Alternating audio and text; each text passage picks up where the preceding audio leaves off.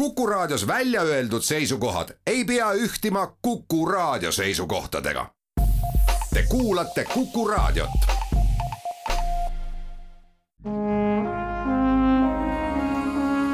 Vanemuise veerand tere kõigile teile, head Kuku raadio kuulajad. täna on saates külas Vanemuise sümfooniaorkestri kontsertmeister Kristel Eeroja Põldoja, tere! tere! mina olen saatejuht Tiiu Rööp aasta lõpul jagas Vanemuise loomenõukogu preemiaid ja muusikapreemia pälvis tänane saatekülaline Vanemuise sümfooniaorkestri kontsertmeister Kristel Eeroja Põldoja. mis on sümfooniaorkestri kontsertmeistri ülesanne või ülesanded? Kõigepealt äh, tänan Vanemuise teatrit selle preemia eest, aga selle preemiaga tahaks rääkida ka, on üks selline natukene huumor minu jaoks. ma töötasin kunagi viisteist aastat järjest Vanemuise teatris ja kahel korral, kui ma vahepeal käisin ära lapsepuhkusel, siis mõlemal korral sai selle preemia minu asendaja ja nüüd, kui sain mina selle preemia, olen tegelikult mina ka hetkel asendamas oma head kolleegi Kadri Palu, kes on oma kolmanda lapsega kodus, nii et tundub, et see preemia antakse asendajatele.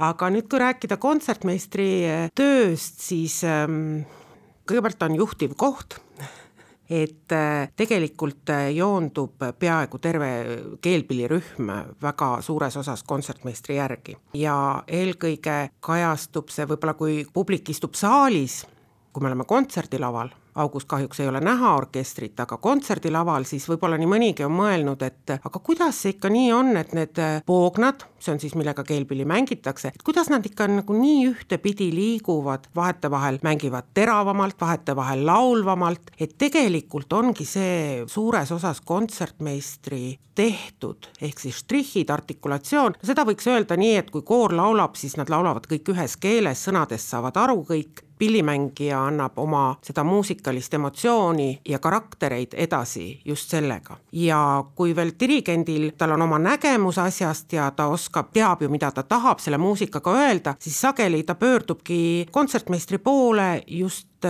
et, et kontsertmeister aitab siis anda talle parimad abivahendid mängijatele kätte, et, et nad mängiksid nii, nagu seal muusikas helilooja on ette näinud ja dirigendil veel omapoolne soov kontsertmeistri töö tegelikult algab tunduvalt varem, kui üldse orkester tuleb kokku mingisugust teost mängima.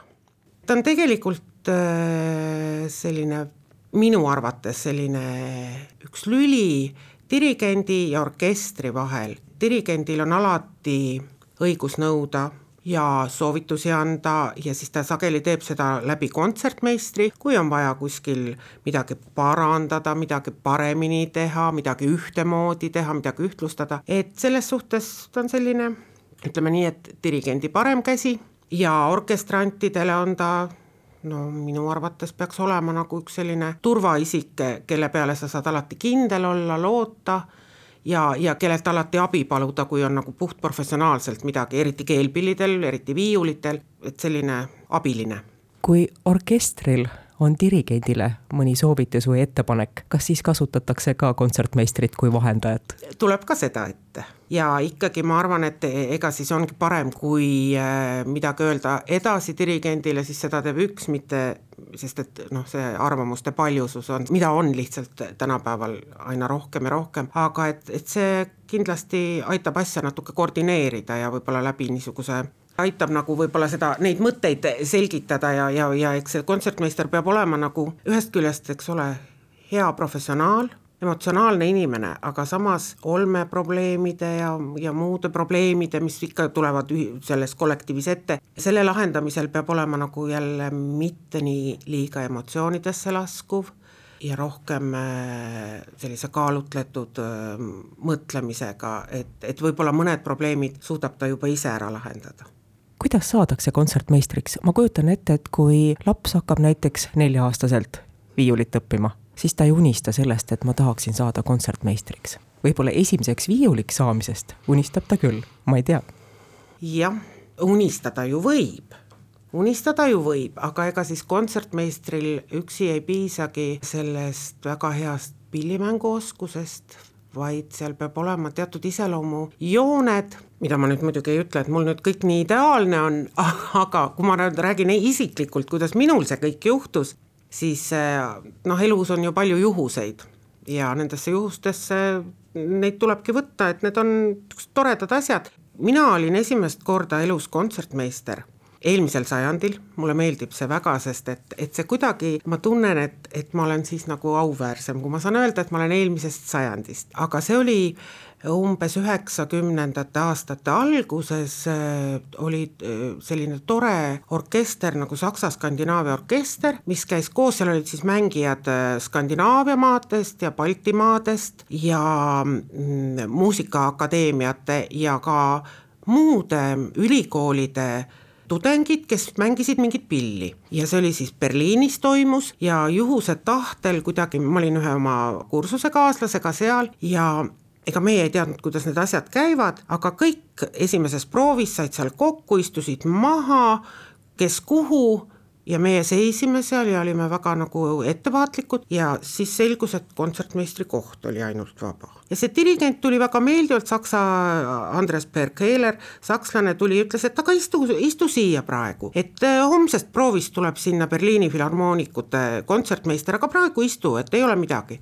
ja mina siis istusin noote polnud ka meile saadetud, sest tol ajal ei olnud veel niisugust internetti, et kõik noodid tulevad ja kõik, noh, see oli ikkagi veel, veel selline meie Eesti Vabariigi algusaeg. Ja siis oli kavas Stravinski Pulcinella süit, aga kuna mina olin ju siin õppinud muusikakeskkoolis ja mänginud ka orkestrites ja üldiselt üldse olin väga hea lehest lugeja, siis ma mängisin nagu kõik ära, ka need soolod, mis on seal päris keerulised.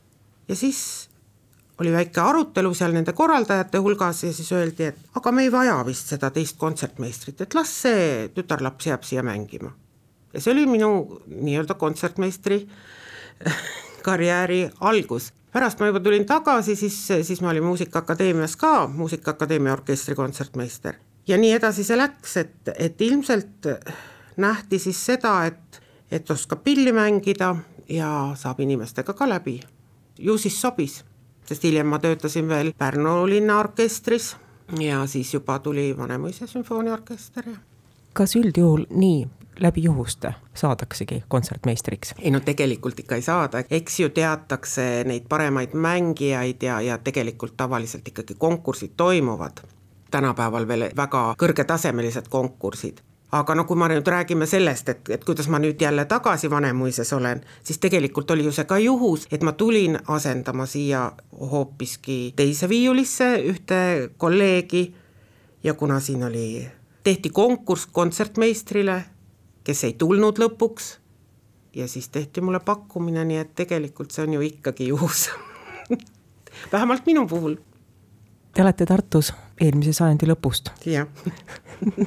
tuhande üheksasaja üheksakümne kaheksandast aastast. siis te tulite Vanemuise sümfooniaorkestri kontsertmeistriks ja üsna kiiresti pärast seda ka hakkasite Heino Elleri koolis õpetama tegelikult ma tulin ja mind kutsuti tolleaegne peadirigent Endel Nõgene ja teatrijuht Jaak Viller kutsusid mind ja ma olin olnud juba kümme aastat Tallinna Muusikakeskkoolis õpetaja ja ma kuidagi tundsin see hetk, et, et see õpetamine nagu noh, vot siis ma olin nii noor, et ma tundsin, et, et mängida oleks ikka toredam ja tegelikult ongi, mida, mida noorem sa oled, seda, seda rohkem peakski ikkagi ise mängima, aga ma olin juba seal olnud kümme aastat õpetaja ja siis, kui mulle pakuti seda kohta, siis ma mõtlesin, et selge, nüüd ma lähen mängin lõpuks ise rohkem ja ma mäletan tegelikult seda mõtet, et, et ma ei õpeta enam kunagi.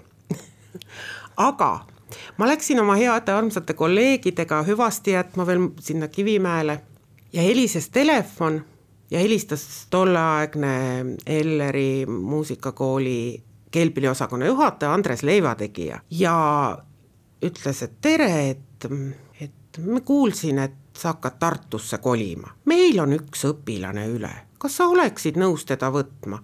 mille peale oli minu vastus jaa, loomulikult ja tegelikult ma alustasin, mul oli esimene aasta oligi üks õpilane ja siis niimoodi natukese haaval neid hakkas juurde tulema ja ühesõnaga tegelikult samal ajal ma hakkasingi kohe õpetama ka. ja kui Vanemuise teatris on olnud paus sees, väike vahe sees, siis Elleri koolis alates üheksakümne kaheksandast aastast. just, jah ja see. nüüd juba õige hea mitu aastat kahe tuhande üheteistkümnendast ka keelpilliosakonna juhatajana. jah noh, see on jälle selline koht, kus, kus sa pead nagu natukene korraldama võib-olla rohkem, peab natukene mm, rohkem olema kursis terve selle, selle keelpillimängi, noorte keelpillimängijatega, kes üldse õpivad seal koolis, ka viiulid, ka tšellod, kõikide teiste õpetajatega natuke seda tööd äh, suunama ja ei, see on huvitav.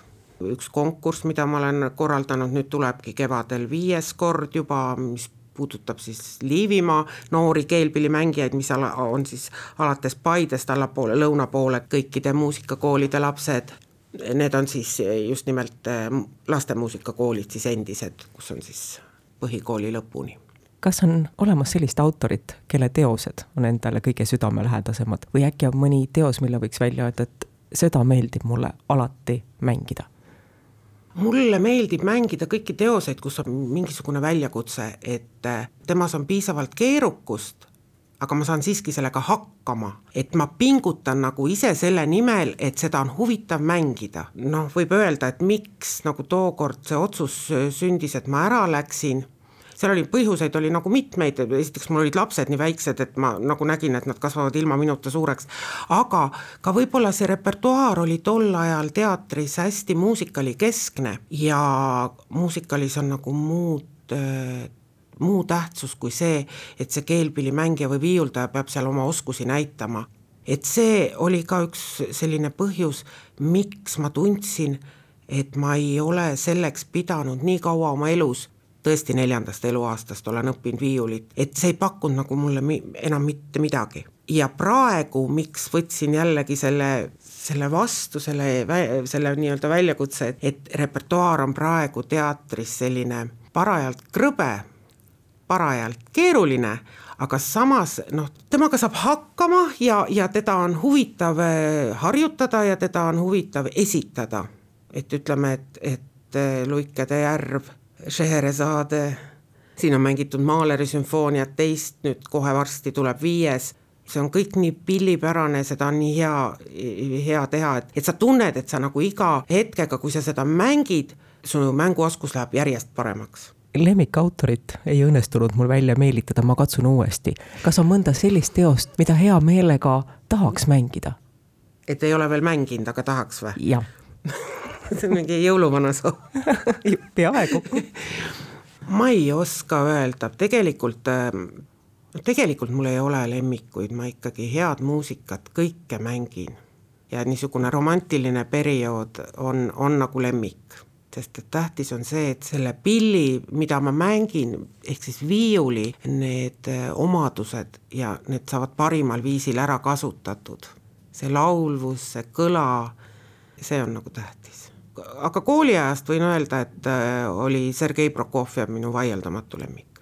tänaseks oleme saateaja pilgeni ära kasutanud viimase sekundini, aitäh külalisele Vanemuise sümfooniaorkestri kontsertmeistrile. aitäh, Kristel Eeroja Põldoja selle meeleoluka jutuajamise eest, suur tänu! aitäh! aitäh kõigile kuulajatele, jälle kuulmiseni! Vanemuise veerand